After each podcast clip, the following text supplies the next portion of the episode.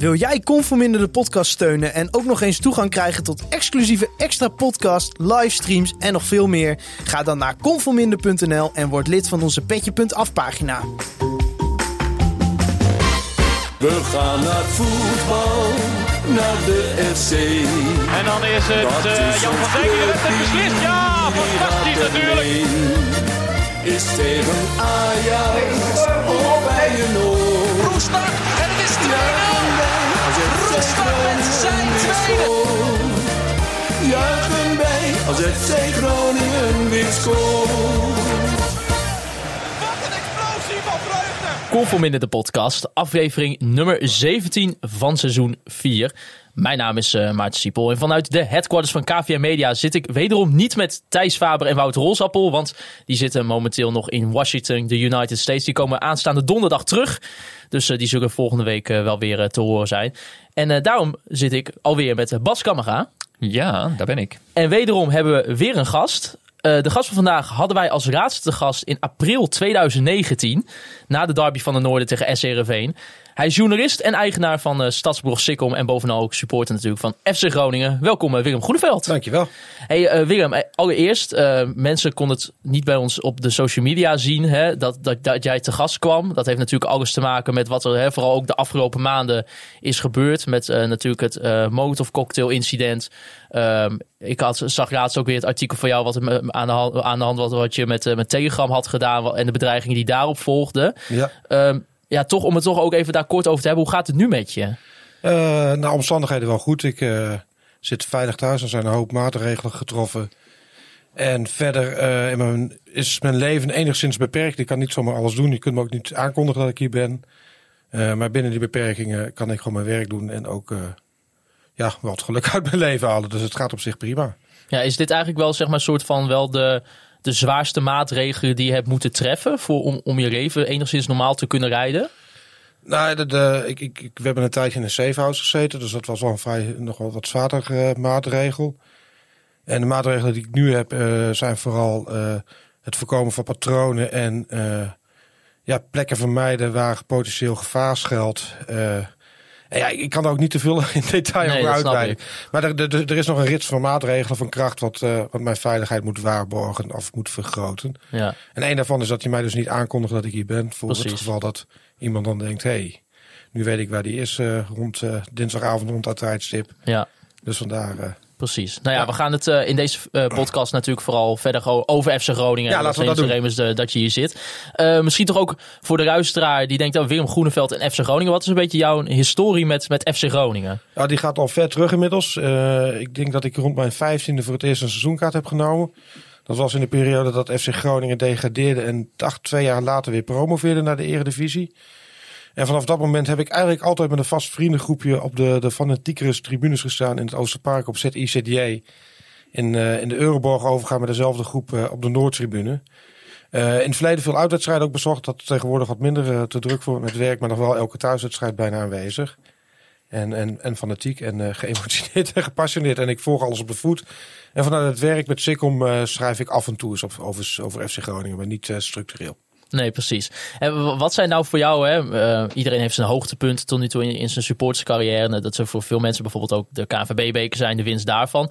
Heb jij ook bepaalde verhalen van vroeger waar je nog nu nog aan terugdenkt, denk oh ja, dit, dit was echt zo mooi? Nou, toevallig uh, ben ik vanmiddag met zo'n verhaal bezig geweest. Uh, ik schrijf ook voor de Olde Gries, het supporters magazine blad. En uh, ik, ik wil er eigenlijk nooit voetballers voor interviewen die nu nog in dienst zijn bij FC Groningen. Omdat dat meestal vrij fletse gesprekken zijn binnen de lijntjes. Dus ik ga op zoek naar de, de, de koffiedame, de, de verzorger. En vanmiddag had ik Hans Visser aan de lijn, Hansje Visser. En ik herinner mij nog, dat was ook de reden, een wedstrijd in het Oosterpark tegen RBC thuis. Uh, jaren geleden ook. En dat Hans Visser uh, moest invallen. En dat het publiek zijn naam begon te scanderen. En dat, ik weet niet of Bas erbij was. Ja, zeker. En dat uh, een half uur, drie kwartier in mijn hoofd vol hield. Constant met 12.000 man. Handje mm -hmm. Visser, olé, olé. En dat is een van mijn mooiste voetbalherinneringen geworden. Ja, Bas, jij was daar dus ook bij? Uiteraard, ja, ja. zeker. Hoe Want was dat voor jou? Ik loop wel iets, iets langer mee in het, in het Oosterpark dan Willem. Dus uh, ja, dat was uh, ja, bizarre tijden. Het was in het seizoen 99-2000. Ja. Wat uiteindelijk uitmolde in uh, ja, mooi feest op de Grote Markt en promotie naar, naar de Eredivisie, waar we nu, nu natuurlijk nog steeds in spelen. Was Maar- het niet het seizoen daarna dat we al gepromoveerd waren dat Visser ook wat minder begon te spelen? Ja, dat klopt. Ja, toen in de Eredivisie had hij wat mindere rol. Maar goed, in de hè, laatste jaren Toto-divisie had hij een enorme goede klik met, eh, met Martin Drent. Ja. Dus eh, ja, dat, was- dat was legendarisch. En het bijzondere is, en ik weet niet of de Hans dat nu nog weer verteld heeft. eh, Hans Visser heeft het dus bij drie clubs meegemaakt. Namelijk ook bij Utrecht en, en ook nog een andere club waarvan ik de naam nu even niet meer weet. Dat hij zo immens populair was bij het publiek. Terwijl het niet een, nou, echt een, een sterspeler was of zo. Nee. Dat was puur op basis van wat hij dus liet zien. En de assist die hij gaf. Ja. En ja, de inzet die hij toonde voor, eh, voor het team. Ja, Echt, en, ik, eh, ja, en die, dat moment dat echt een half uur lang non-stop handje vissen, Ja. rollen. rollen. Iedereen die erbij was, heeft het er nog regelmatig over, Schitterend, schitterend. Ja, En Hans Visser weet, wist het ook nog als de dag van gisteren. mooi. Ja. Hey eh, Bas, jij zit hier nu eh, voor de tweede keer eh, achter elkaar. Ja, Eh, FC Groningen wint twee keer. ja. Ja, we kunnen wel spreken van een Bas Kammerga effect. De basfactor. Ja, of andersom, dacht ik ook al aan. Ja, Ja, ja dus eh, nou, ja, ik hoop dat het met elkaar te maken heeft. Eh, en ook weer niet. Want eh, ja, als het goed is, eh, ben ik, zit ik hier volgende week niet meer op deze plek. Maar dan Nee. is er gewoon weer de, de vaste bezetting. nou, zul je dan weer zien dat we dan net weer van de, de nummer 18 gaan verliezen. Als we dan van PEC verliezen, moet, Oh, moet Bas ik hier gewoon weer zitten. Ik denk dat we dan moeten ingrijpen. Maar Ja. goed, ik ga daar niet over. Daar gaat de directie van KVM over. En ik ben maar een simpele werknemer van dit prachtige bedrijf. Dus eh, ja, we gaan het zien. Maar het is natuurlijk wel hartstikke leuk. Want het is veel leuker om over een eh, winstwedstrijd te praten dan over verlies natuurlijk. Ja, we kregen ook een, eh, via Instagram een luisteraarsvraag van een eh, ene eh, Wouter Raagstreepje Gudde. En die, Ja. die had een vraag ingestuurd. Die, die vroeg, kunnen Wouter en Thijs wat langer in de USA blijven? Ja, Ja. wie weet. Ja, ik denk dat dat er niet in zit. Want volgens mij hebben ze al een vlucht geboekt. En hebben Ja. ze daarna ook weer hun, eh, hun verplichtingen. niet, misschien breekt er een gekke corona-variant uit eh, Ja. in Amerika. Ja, precies. Ja, de, kijk, de Washingtonse variant. Ja. In plaats van versterkingen halen misschien in de, in de, in de transferwindow Mhm. deze winter, zou je ook kunnen zeggen, nou, we geven Thijs en Wouter wat geld om langer in Amerika te blijven. Ik bedoel, als dat uiteindelijk het effect heeft dat je vanaf nu elke wedstrijd wint in de competitie. Ja, ik denk dat dat eh, niet eens zo heel veel duurder is dan eh, een, nieuwe linksback of een eh, controlerende middenvelder. Een soort crowdfunding misschien. Dat je geen restitutie wil op je seizoenkaart omdat je wedstrijd hebt gemist. Maar dat je dat geld stort in het fonds waar Ja. Wouter en eh Nou ja, misschien. Op vakantie kunnen. Ja, want we weten natuurlijk niet hoe lang het eh, zal gaan duren voordat we weer in de stadions Ja. kunnen. Dus misschien kunnen we een soort van eh, ja, actie uiteindelijk opdoen dat Wouter en Thijs gewoon lekker ergens in, in Washington eh, in een, ja, weet ik veel, een kleine sociale huurwoning kunnen zitten Is- voor de rest van het seizoen. Is voor jou ook wel zo prettig, want je komt helemaal tot was om de afgelopen podcast. Ja, nee, natuurlijk. Zeker. Nee, eh, ik, ik hoop dat de grenzen daar dicht gaan. Ik bedoel, ik hoef die jongens niet meer te zien straks. Zeker niet als FC Groningen nu week op week gaat winnen. Wie weet eh, staan we straks alsnog op de, op de grote markt. Eh, en dan zijn zij daar niet bij. Dus eh, nou, Ja. En eh, nou, een goedkopere oplossing zou zijn dat, je, ja, dat ik eh, een vaste rol in dit programma zou krijgen. In de Ja. vorm van een column of zoiets. Eh, dus eh, daar kunnen we ook altijd nog Ja, aan of gewoon dat we vanaf nu gewoon nu met z'n tweeën afspreken, Bas, van eh, Thijs en Wouter, ze zijn er gewoon niet meer bij. Wij, wij hebben nu ook de sleutel, dus eh, ja, ze komen er gewoon niet meer in. Nee, nee. Nou, nu eh, hebben zij vanuit de Verenigde Staten nog wel een eh, bericht ingestuurd. Eh, dat duurde negen minuten, dat vond ik veel te lang. Ik zei, dat ga ik, dat ga ik niet eh, afspelen. Ik, ik heb vervolgens ook nog allemaal eh, het geheel zitten ruisen. Het ging over, nou, ze zaten hun hele trip te bespreken. Ik denk, ja, hartstikke leuk. Maar daar heeft de FC Groningen luisteraar eh, helemaal geen zin in. Nee. Ehm, eventueel misschien ooit nog voor, eh, voor onze petje.af pagina een reisverslagje. En dat ze misschien wat over de sportbeleving in Amerika kunnen gaan vertellen. Maar eh, ik dacht, dat is niets eh, voor nu. Wat, wat ik dan zou doen, is gewoon op drie keer snelheid. Gewoon knabbel en babbel. Ja, dat had gekund. Dat had gekund. Maar daar heb jij niet voor gekozen, toch? Nee, nee, nee. Ik heb even een eh, stukje eruit geknipt dat ze eigenlijk over de wedstrijd hebben gesproken. Hè. De 1-4 overwinning Zo. van FC Groningen in Sittard. Ehm, Wouter was op het moment van de wedstrijd bij de fanshop van de Baltimore Ravens. Hè, Oh. de, natuurlijk eh, de bekende NFL-club van, de, van Klaas-Jan Terveen. En eh, Thijs die zat in de bekende kroeg genaamd eh, Max Tap House. Yes. eh, waar je heel veel, eh, heel veel speciaal bier kan drinken. Eh, en hij 30 zat- op de tap. ja? Ja, is dat ja, zo? ja, ja, Ach, gehoord. Ja. En eh, daarom had ik nog wel even een fragmentje uitgekozen. Thijs dus vanuit de Max Tap House. En daar eh, had ik wifi en ik had een VPN, dus ik kon mijn locatie op Nederland zetten. En daar heb ik eigenlijk de hele wedstrijd gewoon zitten kijken. Terwijl er was ondertussen een of andere college voetbalwedstrijd bezig en de hele kroeg zat daar naar te kijken.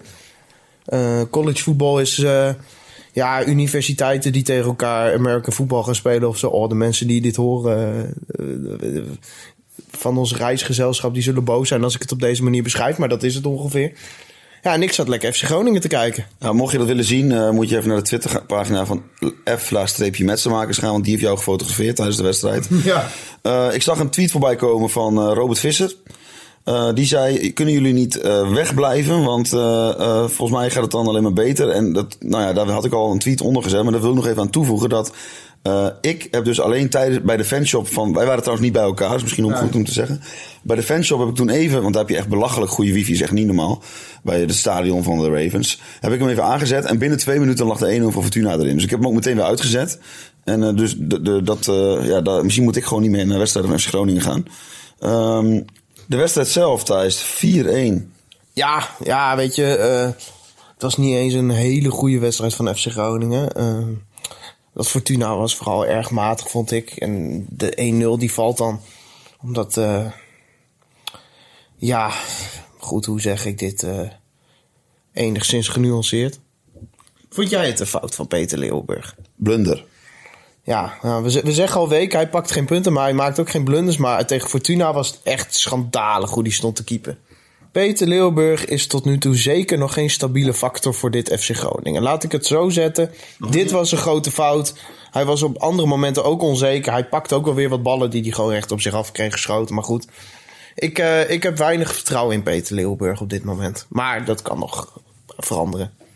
Nou, en eh, ja, Iran dus doelpuntje assistje, lekker man. Ja, die assist was goed, man. En hoe Strandje Larsen hem afmaakt was ook helemaal mooi. Dus eh, wat dat betreft gewoon eh, super dat je nu twee uitwedstrijden op rij bent. Ik had het eh, niet verwacht, moet ik zeggen. Aankomende donderdag komen wij weer terug aan in Nederland. Dus wij zijn in Groningen hopelijk wakker en fit tijdens Zwolle. Groningen-Zwolle. Gaan volgende week zitten wij er gewoon weer bij. Ja, ja dan nemen we het weer over. Van, nou, Maarten blijft wel, maar dan zijn we weer met z'n drieën. Ja, Bas in ieder geval eh, bedankt. Bas, sowieso bedankt. En natuurlijk ook eh, eh, B-Trip en Willem bedankt. En ja, ik zou zeggen, geniet, er nog even van, geniet nog even van de rust zo zonder ons. Mooi. Mooi. Ja, het bericht van, eh, van Thijs Faber en, en Wouter Holsappel vanuit eh, ja, op dat moment nog Baltimore. Geweldig. Ja, de, de, Thijs had dus echt inderdaad, eh, mensen kunnen het ook wel inderdaad op- Twitter dus vinden, echt gewoon in een kroeg terwijl iedereen college voetbal zat te kijken, zat Thijs op zijn kleine schermpje naar, naar FC Groningen Fortuna Sittard te kijken. Wel dus een 1-4 overwinning voor FC Groningen door doelpunten aan FC Groningen kant van Schriel en Gonge, Iran Dust en Stan Garsen en ook een eigen doelpunt van George Cox en voor eh, Fortuna Sittard scoorde dan nog Mats Seuntjes. Bij FC Groningen keerde Mike de weer terug in de basis. Net zoals Cyril en Gonge. Damiel Dankera en Michael Dreel ontbraken allebei eh, bij de selectie vanwege ziekte. En ook Thomas Soeslof was er niet bij vanwege een schorsing na eh, zijn vijfde gele kaart tegen Go Ahead Eagles. Te Wierik speelde centraal achterin. Daardoor schoof Wessel Dammers een plek door. En wederom was Casemiro te bewonderen op de rechtsbackpositie. Eh ja, jongens, 1-4. Eh, van tevoren hadden wij, eh, hadden Bas en ik eh, samen met B-Trip ook al besproken van ja, Fortuna Sittard geen beste ploeg, staan er niet goed voor. Maar ja, ik, met dit FC Groningen, we moeten nog maar eens zien of de wedstrijd wat, die we tegen Go Ahead Eagles speelden, of dat een small sample was, eenmaal. En dat we nu toch weer het heel lastig gingen hebben. Maar uiteindelijk heeft het, het, is het toch allemaal wel prima geweest weer. Ja. Ja, dat was een, een, redelijk leuke wedstrijd om te zien, vond ik. Groningen trok het vrij snel naar zich toe. We dicteerden het spel ook vrij snel. Ik heb geen moment zorgen echt gemaakt dat Fortuna die wedstrijd zou winnen. Ook niet toen dat zondagschot erin schoot, eh, invloog eh, bij Leeuwenburg. Wat inderdaad wel een behoorlijke blunder was. Eh, het leek wel alsof hij een tegelzetbedrijf heeft en 80 uur had gewerkt die week. En ja, er gewoon geen zin meer in had om te duiken. Maar dat was niet het geval. Heeft hij nog een verklaring gegeven na afloop wat er aan de hand was? Want ik, Ik heb niks gezien. Nou ja, hij heeft wel een verklaring gegeven dat hij eh, zelf door het licht verblind was en eh, dacht dat die bal naast eh, zou gaan. Oké. Maar ik, ja, maar ik heb ook gehoord dat hij maandag heeft hij wel een eh, telefoontje gehad van eh, Madame Tussaud. En dat ze hem da- daar graag eh, aan de collectie willen toevoegen. Ik begrijp het wel. Heel stom grapje natuurlijk. Die had ik ook al op de app gemaakt. Dus, maar ik dacht, ja, ik, ik maak van deze gelegenheid de- misbruik om, om hem toch maar weer eens erin te gooien. Hè, een keeper die aan de grond genageld staat. Nee, hij had dus last van het licht. Ja. Hè. De- laten we het daarop op houden. En hij, hij zag de bal naast. En dat was dus overduidelijk niet zo. Ik zeker Maar, niet. maar, maar de, de, de, hè, de baan van het schot hè, heb ik nog terug kunnen zien. Ja, die was ook niet eh, zwapperig of Nee, zo. maar dat- het dat- was gewoon een recht schot. dat hoorde ik hem ook nog zeggen. dat, het, wat, Ja. dat was helemaal niet het Nee, geval. Hij was echt niet het recht. geval. Ik Het dacht was ook- geen eh, Roberto Carlos-achtige Nee, toestanden. Want ik verwacht een herhaling te zien dat die bal op het laatste moment denk ik naar Ja. het doel duikt. Maar Precies. dat hij echt gewoon in één streep naar de hoek was een toe. streep, ja. Ja. Dus hij stond verkeerd. Ja, daar kun je dan maar- concluderen. Ja, maar het is, het is ook wel iemand die moeilijk zijn foutjes toegeeft. Ja, ja, zeker in vergelijking met zijn eh, voorganger. Ja, dus ja, eh, geen idee. Eh, ja, dat is, het is volgens mij altijd beter om je fout te kunnen toegeven. Want dat, dat maakt het voor de, de buitenwereld ook wat makkelijker om die fout eh, te Ja. vergeven. Maar ja, als, het om het zo maar te Het zeggen. wordt ook zo wat als je elke week een fout... Niet dat dat nu het geval is, maar... Nee, nee dat, ik, ik vind dat het wel een beetje overtrokken Ja, wordt. Hè? Hoe, ook kijk, de onzekerheid zeker. Hè? Want we, bij Go Ahead zagen we, hè, daar hebben we het vorige week over gehad. Met name die balletjes, hè, dat die dan net op tijd of, of een noodredingje Ja. wordt gemaakt door een verdediger of een aanvaller van Go Ahead. Dat hij dan een, een vrije trap meekrijgt. Dat hij net die bal te lang aan de voet houdt. Maar ik moet zeggen, ik, ik heb hem nog niet heel veel eh, doelpunten aangerekend, zeg maar. Sterker nog, ik heb hem een heel aantal reddingen eh, zien verrichten. eh, ja, die ons toch ja, in de wedstrijd hebben gehouden of een punt hebben Ik opgeleverd. vind hem vrij onzeker ook als ballen gewoon ogenschijnlijk recht op hem afkomen. Ja. En dan één stuitje ervoor, dan, dan, dan zie je hem al zwabberen naar die bal toe gaan. En dan, dan zet hij zijn armen erachter. En dan, het, hij, hij heeft die bal nooit klem. Bounce altijd op een moeilijke manier terug in het veld, waardoor het altijd een beetje hachelijk wordt. Ja, en hij moet het dan zogenaamd van zijn voetballende hè, kwaliteiten eh, hebben. Eh, en het opbouwen. Ja. Ja. Ja, daar word ik zelf wel altijd heel zenuwachtig van. Kijk, Ja. als, nu, nu zo'n afstandsschot, ja, die gaat er altijd een keer invliegen. Die hebben we met Pad ook gehad. Hè, vanuit de hoek eh, tegen RKC. nou, die zie ik er zo nog invliegen. Ja. Die, die ging zo richting vak A. Leek er behoorlijk wat op. Dat soort dingen. En dat is nog niet eens zo heel, veel, heel lang geleden. Hè. Dus, dus een keeper heeft dat. Elke, elke keeper heeft dat soort momenten. Maar goed, inderdaad, wat jij zegt eh, met, met die hoge ballen, dat, eh, ja, dat is nog Ja. wel even een aandachtspunt. Ja. Ik ben ook heel benieuwd naar eh, de werkwijze met, met, met de keeperstrainer Sascha Mart. Daar heb ik he- helemaal geen beeld van, van die beste man. En ook hoe het nu gaat met, in de samenwerking met Jan Hoekstra. Hè? Want een eerste keeper is vaak heel erg gebaat bij goede concurrentie. Ja. Maar ja, als je met de bokkenpruik op de bank zit, ja, dan kan ik me voorstellen dat dat niet echt een hele productieve nou, werksfeer eh, Daar lijkt het wel een beetje op inderdaad. Want Mhm. mm Hoek schrijft natuurlijk ook wel aangegeven dat hij, dat hij wel weg wil nu. Dat hij er eigenlijk wel klaar mee is. Die gooit er toch een beetje een, een Londen in het kruidvat. Ja. Ja, die invalshoek eh, vind ik wel interessant om daar eens even over eh, ja, eh, eh, iets langer over na te denken. Of, of nou ja, een boompje op te zetten. Ja, Ja, het is natuurlijk wel, kijk, hè, ik, ik, eh, ik zag Thijs Faber onder andere ook weer op, eh, op Twitter zeggen. Hè, natuurlijk in zijn emotionele bui, Ja. zoals hij dat altijd op Twitter heeft. Van ja, geef Jan Hoekstra maar een keer de kans. Mhm. Maar ja, ik, weet je, hoe, hoe eh, een, een keeper met Leeuwenburg, kijk, hij zal het zelf nooit helemaal gaan toegeven. Maar ik bedoel, hij, hij weet zelf denk ik ook wel, maar ik vul het nu wel een beetje in. ehm, dat, dat het toch niet helemaal zeker oogt altijd bij hem. En dat het, dat, dat, eh, dat zien wij. Ehm, het vergrootglas komt natuurlijk elke week nog meer op hem. Ja. Want, eh, dat, kijk, dat is natuurlijk ook wel een beetje zo. Met, je gaat elke keer als er een dreiging is van, van de tegenstander. Je gaat toch bij alles wat hij doet. Ook al hè, gaat die bal een paar meter. Keert hij hem toch niet helemaal lekker weg. Ja, ik, Ja, je gaat erop letten en je, je beoordeelt het misschien ook al sneller slechter dan dat het misschien is als bijvoorbeeld Sergio Pat dat had ja, gedaan. en wat, wat ook zo is natuurlijk, we, we oordelen Pat op zijn laatste jaren, terwijl hij in het begin het ook moeilijker had dan hij eh, op het laatst speelde. En eh, wat, wat me bij Leeuwburg ook een beetje opvalt, hij acteert best wel de zekere man. Maar hij komt in het spel redelijk onzeker over. Ik heb het idee dat de verdedigers ook een beetje door worden aangestoken. Je ziet in ieder geval als hij een redding maakt. Dat Dammers of de Wierik ook de laatste keer echt over, bijna overdreven hem op het schild hijst van goed gedaan jongen. En een beetje vertrouwen geeft. Een beetje Ja. hetzelfde wat je ook zag wat Ten Hag bij, eh bij eh, Pasveer deed. Dat hij elke week zegt dat is echt een topkeeper, goede keeper. Juist. Om hem maar een beetje in vorm te praten. En ik heb het idee dat die verdedigers bij Groningen ook zo met Leeuwenburg om aan het saai gaan, om, omgaan. Van goed gedaan jongen, goede redding. Pak, kweek wat veel zelfvertrouwen hiermee. Maar Ja. daarom wordt het toch ook niet beter als, als Danny Buizen zeggen... weet je wat, eh Leeuwenburg, ik heb het al even gezien nu de komende tijd. eh, Jan Hoekstra, kom maar. Totaal geen optie. Dan moeten er hele andere dingen aan, de, aan de hand zijn vo- voordat een eh, hoeveel, eh, trainer zo. hoeveel speciaal biedt hij zo Thijs op op dat moment? Ik, heb, eh, ik denk heel veel. Ja. Ja, dat, dat, zijn, dat zullen er wel meer dan drie zijn geweest. Dus ja, Ja, dat je zag vorig jaar ook bij FCM, als je eenmaal gaat husselen met die keepers, Mhm.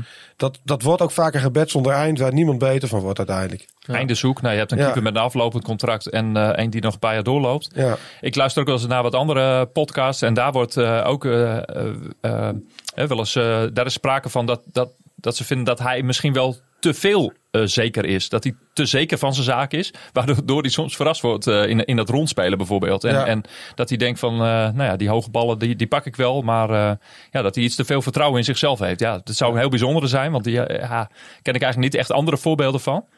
Nee, maar ik, ik moet wel zeggen wat jij net aangaf met dat voetballende gedeelte, dat je af en toe billen knijpt. Mhm. Ja. Mhm. Ik heb het bij hem wel minder dan bij Pat. Als Pat echt zo in zo'n in zo'n hoek werd gedrukt en het op voetbalkwaliteit aankwam, dat ik echt dacht van nou die bal gaat nu over de zijlijn of die, die wordt, Precies. wordt ingeleverd. Maar, Ja, dat heb ik vorige week ook wel benoemd. Als, als hij de, hè, de eh, schuine dieptepaas geeft, dan Precies. eh, eh, belandt hij me- meestal bij een tegenstander. En bij Pat was het vaker in het, Ja. in het publiek. Ja, Ja. Dat, dat is zo. Maar ja, aan de andere kant zou je ook wel, hè, als, je, als je Jan Hoekstra bent en je ziet dit toch elke week een beetje gebeuren, dan ook weer met zo'n moment als, als tegen Fortuna Sittard en misschien ook wel een paar kleine momentjes weer dat het toch altijd niet heel zeker uitziet. Ja. Eh, dan kan ik me ook wel zo stellen dat hij, en daarom reageerde hij denk ik ook eh, een paar weken geleden ook zo, dat, dat hij denkt van ja, maar jongens, kom op, eh, waar is mijn kans Ja, dan? voor, Ja. Dat, volgens mij zei Bleken dat gisteren ook nog in de RTV Noord podcast.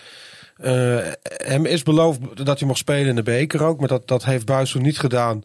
Omdat Buis zag van ja, de situatie is te precair. We moeten hier echt winnen om het goede gevoel een beetje te, te pakken. Dus ik, ik ga toch voor zekerheid en kies voor uh, Heelburg. Dat schijnt verkeerd te zijn gevallen. Maar ja, ik, ik vind het ook lastig oordelen. Ik sta niet bij de trainingen. Eh, ik, ik, ik hoor van eh, Pomp en Bleken dat bij die oefenwedstrijd tegen FCM... dat hij ook niet een al te zekere indruk maakte. En het is ook niet zo dat, dat Leeuwenburg dermate blundert... dat een wissel noodzakelijk is of, of onvermijdelijk is. Nee.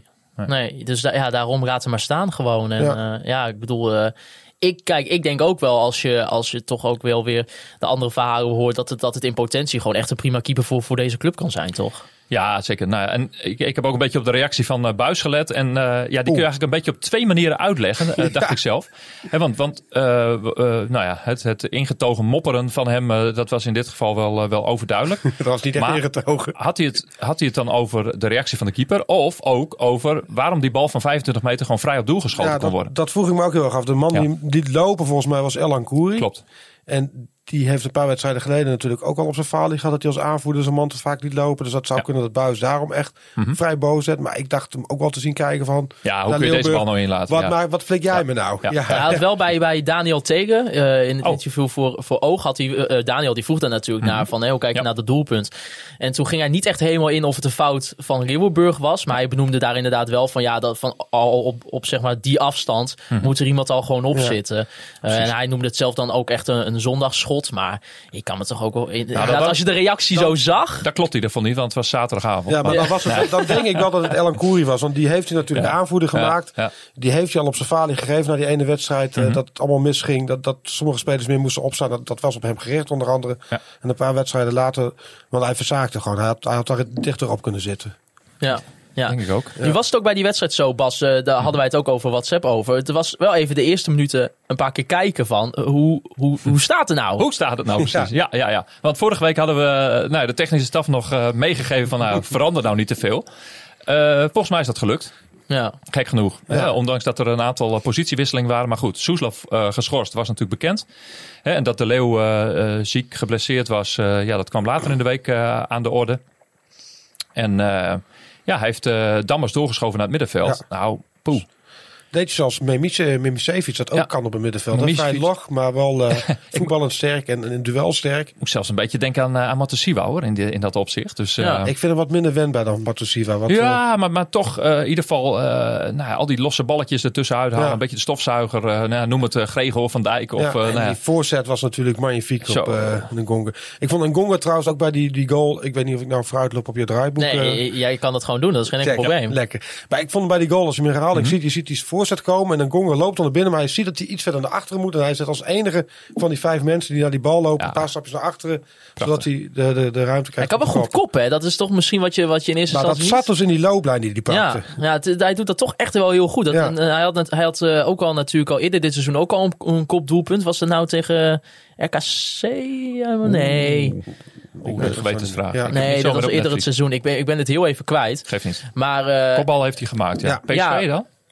Ja, nee, Nee, ik weet het niet ben meer. er 5-2? Ik ben, Nee. ik, ik ben het even kwijt. Ja. Maar eh, in, in, in ieder geval, hij is op, op bepaalde eh aanvallende punten in ieder geval best wel compleet. Mhm. Natuurlijk. Eh, Ja. En ja, Bu- Buis stelde hem niet op tegen Go Ahead Eagles. Omdat het toch een beetje, ja, het is toch ook, het is een hele leuke jongen om mee te werken, zei Ja. hij. Maar eh, volgens mij ook wel een beetje vermoeiend en zwaar. En hij, zei, hij had ook gezegd van ik heb inmiddels meer eh, serieuze gesprekken over zijn gedrag met hem dan, dan met mijn eigen zoon. Ja, Ja. precies. Dus, eh, maar hij was toch eh, wel weer belangrijk in dat opzicht. Eh, maar hadden jullie wel het gevoel misschien, hè, voordat die goal dan kwam, na dat ene doelpunt van Fortuna van, eh, van kut, dit kan wel eens weer eh, vervolgens de rest van de wedstrijd fout gaan? Nee, ik ik zie jou had- knikken. Ik, ik had het totaal niet, want ik, Nee. ik- vanaf minuut 1 was wel dat Groningen de touwtjes in handen had en het spel dicteerde.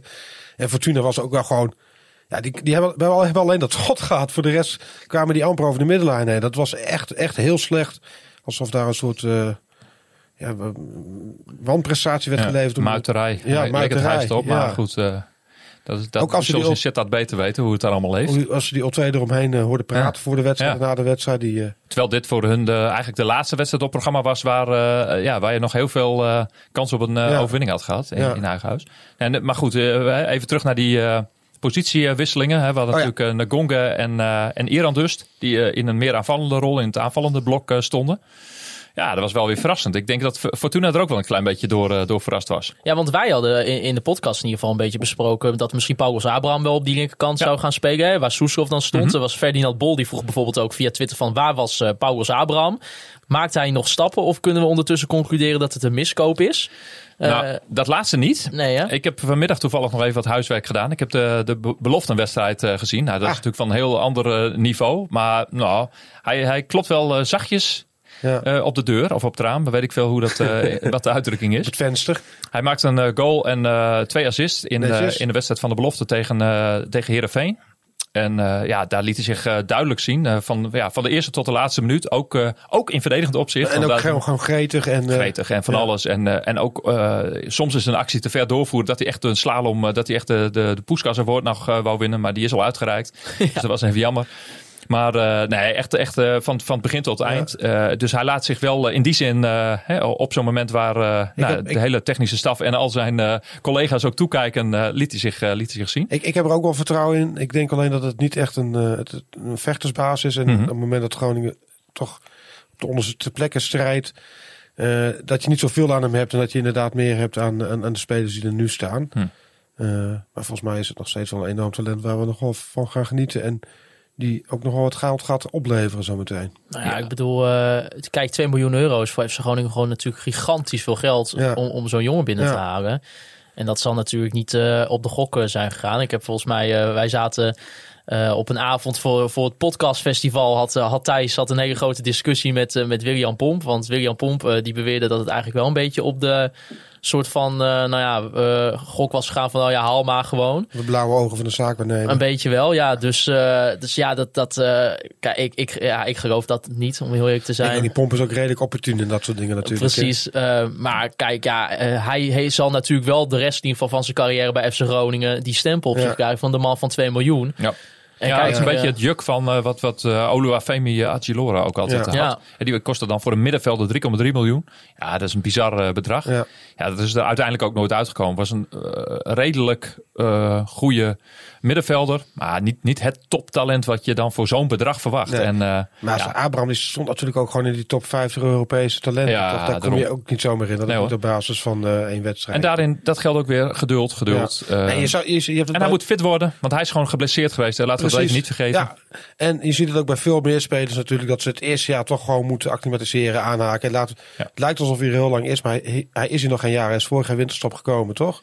Ja hoor. Ja, Ja, dus, ja. dus ja, Nee, en hij moet in, de- in dat stramien eh, komen. En dat geldt voor meer spelers. Hè, want ik denk dat uh, Ngonge en Iran dus eigenlijk een beetje in hetzelfde eh, straatje passen. Hè, dat ze gewoon ja, zich moeten gaan... eh, je bedoelt het Stramien van Buis ook waar veel eigenlijk meer, je wordt meer afgerekend op Ja. je verdedigende meters, meters als aanvallen dan als. eh, ja, ja, of verdedigen, maar in ieder geval inderdaad in, in het teambelang. Ja. Hè, want want eh, ja, ik, ik zag heel veel voorbeelden van, eh, nou ja, ik heb wat notities gemaakt. Het Iran dus juist in de 42 minuten hè, bij 1-1 stand. Ja, enorme sprint over de, over de breedte van het veld maakt. waar hij dus nou, indirect de bal verovert. Ja, dat was voor mij het moment dat ik dacht van, hé, hey, Iran dus speelt een goede wedstrijd. Want het gaat niet alleen om die goal en die assist, die later nog zouden komen. Ja. Maar eh, het gaat er ook om dat je dus eh, ja, strijdt voor elke Ja. bal. Dat willen we hier eh, in Groningen zien. En, en daarom dacht ik ook al, ook al bij die tegengoal van het komt wel goed. Want dat had heel FC Groningen. Dat. Ja. dat voor elke meter werd gestreden. Ja, Klopt. want inderdaad al voor, voor die goal van Mats Seuntjes was, zag er inderdaad niet shaky uit bij FC Groningen. Nee. Er werd best wel gewoon hè, controle over de wedstrijd. Ja, en af en toe een pe- speldenprikje en voorzet op Larsen nog volgens mij van Elan Koeri waar hij net niet bij kon. Ja, er, er is een beetje het misverstand bij, bij alle tegenstanders van Groningen. Dat ze denken van, oh, geef Groningen maar de bal. eh, ja, dan kunnen ze er niks mee. Nou ja, we hebben nu twee weken op rij gezien dat het eh, toch wel aardig gaat. Ja. Hè, want nou, het was dan 1-0 eh, tegen Go Ahead. Maar er had ook iets meer eh ingezeten. Ja, nu hebben we gewoon vier, vier goals gemaakt, jongens. Wat een Ja, luxe. Ja. ja, unbelievable. Ja, maar En ook geen, geen, geen cadeautjes. Hè? Gewoon echt gewoon goed afgemaakt. Goed aanvalspel. Ook die, eh die own goal. Dat, Ja, ja. ja, die maakt hij toch wel knap Ja. af. Hè. Ik bedoel, met eh, zo'n strakke voorzet en dan zo hup over van Os heen. Ik heb een keer volgens mij vier of vijf keer in één seizoen in eigen doel gescoord. Op een heel ander niveau. Maar je- het is echt ongelooflijk kloot. Ja, ja, dat kan ik me voorstellen. Ja. Dit was een ongelofelijke... Het was, het was gewoon een teruggetrokken voorzet, hè? Ja. Dus het is echt ongelooflijk dat je zo'n bal op die manier raakt. Ja. maar Ja. eh, nou ja, eh, Cox, eh, ja, ik heb er niet echt medelijden mee. Ik vind het een beetje een theaterfiguur. Dus ja, dat is een gedoe. En, Komt dat door zijn geblondeerde haar al? Nou, die wil ik er nog niet eens bij betrekken. Ik ben meestal niet zo van het uiterlijk eh, vertoon om dat erbij te betrekken. Maar ja, nee, dit, nee het is niet mijn type speler. Nee. Maar goed, weet je, hè, dat is vaak, zijn vaak de spelers hè, wat, wat eh, de tegenstanders van Te Wierik denken. Terwijl een geweldige gozer is. Uh, Soeslof hetzelfde Soeslof ook, beetje, ja, Maar zo irritant en dat soort dingen. Nou, dat, dat, dat heb ik bij, eh, bij Cox. Maar Ja. daarmee is het ook gewoon een goede speler natuurlijk Ja. bij de tegenstander. Een beetje Beugelsdijk effect, zeg maar. Nou ja, je noemde al dat natuurlijk dat Iran dus eh, scoorde in de 51ste minuut. En vervolgens eh, in de 80ste minuut gaf hij ook nog de assist op Jurgen Standras. Die scoort nu ook al eh, Goeie drie assist wedstrijden. Ja, trouwens. ja. Ja. een goede goal hè. Ja, Een goede assist. Ja, inderdaad, assist. ja.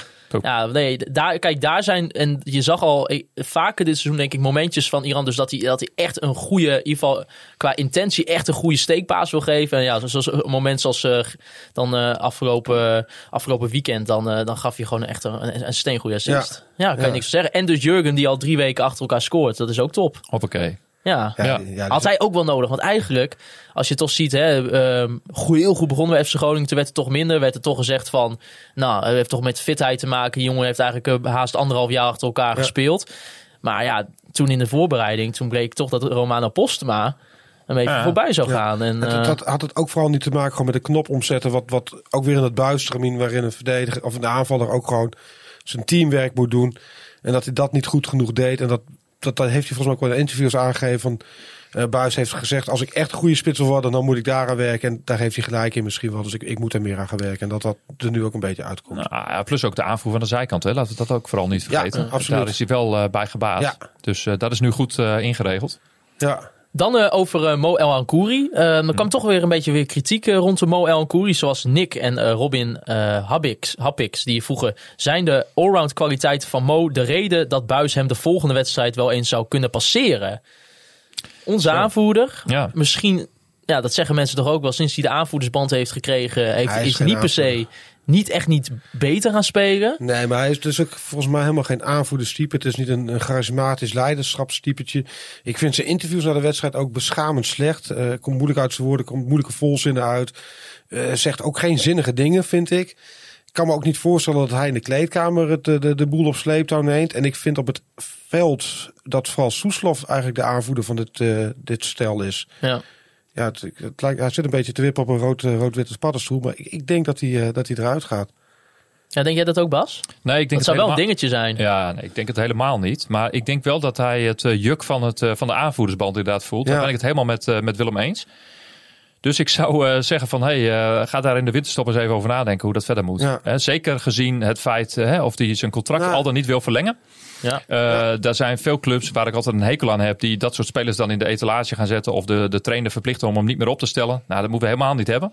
Want, want met name in zijn werklust is hij, gaat hij nog steeds voorop in de strijd. En natuurlijk was hij een stapje te laat bij die, bij die afstands, eh, eh, bij dat afstandsschot. Nou, die er dan in de strijd, Bas. Ik, ik, die, Hmm. die ene wedstrijd, dat was volgens mij Sparta uit dat Buis ongelooflijk veel kritiek had na afloop op zijn spelers. Ja.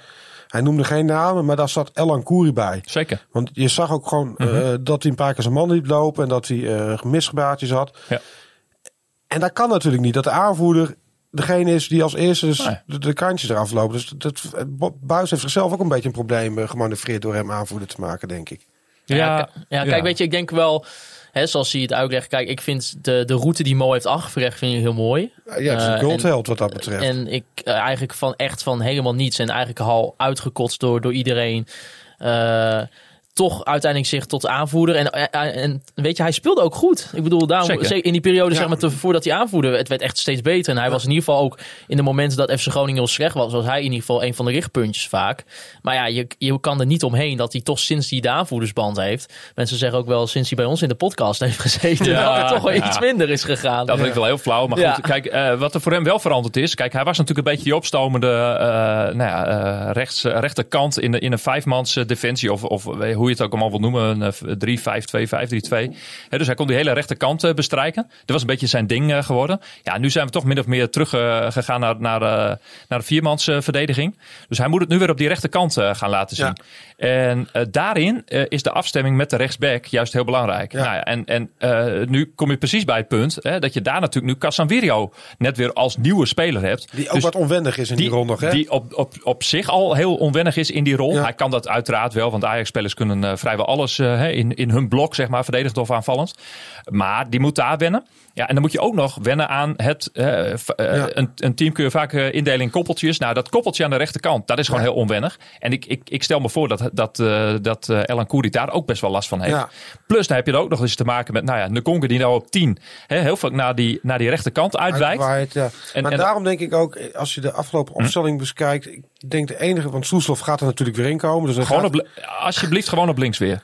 gaat iemand uit. Ja, er moet iemand uit. Ja. Ja, ik, denk dat hij voor Elan Koeri gaat kiezen eruit. En Soeslof op rechts. En dan een beetje wisselen met een Gonk op 10. Nou, ik, ik, ik zou zelf denken, maar goed, nu ga- lopen we misschien al vooruit op de volgende wedstrijd. Ik zou denken dat hij Duarte even een keer overslaat. Ik vond een goed spelen juist afgelopen keer. Ja. Zeker de eerste helft. Maar omdat je tegen Pek Zwolle, ik denk met, met, met Iran dus eh, daarop eh, in die rol, ja, dat je daar... eh, Buis kennen, die wil dat toch alle twee, twee man een blok.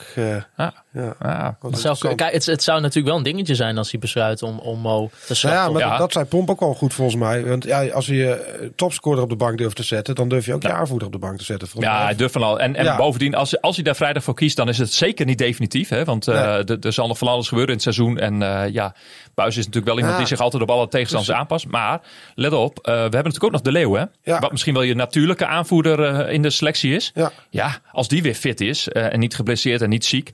Ja, dan zal hij ook zomaar weer terugkeren. Ja, ja wat eh, luxe problemen. Maar ik, ik, ik, ik denk het wel echt wel, want hij was dus na die wedstrijd te- tegen Sparta eh, heel Mhm. eh, straf over Elan Koeri. En we hadden het net over die blik op de bank toen eh, die goal viel tegen Leeuwenburg. Op wie was die blik gericht? Als dat weer op Elan Koeri is Ja. geweest, ja, Ja. dan, dan zal Buis er ook wel aan gaan twijfelen, denk ik bij hem. Ja, het is, het is Mo of, of Peter Eeuwenburg geweest in ieder geval, waar Ja. hij zo, waar zo lijp om werd. Ja. Dus, eh, En dus als ja. hij voor twee keer binnen, binnen een paar wedstrijden zo lijp wordt op je aanvoerder, dan zit hij niet heel stevig meer in het zadel. Maar dat is, zijn een hoop aannames, maar ja, nou ja, we gaan het... daar zitten we hier voor, toch? ja, daarom. Precies, ja, lekker, lekker speculeren. Ja. Daar zijn wij voor. En dat eh, ongetwijfeld eh, neemt Buis al die scenario's door met zijn eh, technische staf. We gaan even naar eh, de Online Retail Company Oh. moment van de week. Het Online Retail Company moment van de week.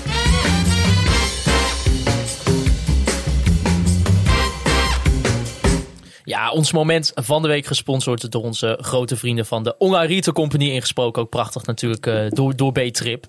Eh, ja, Iran dus.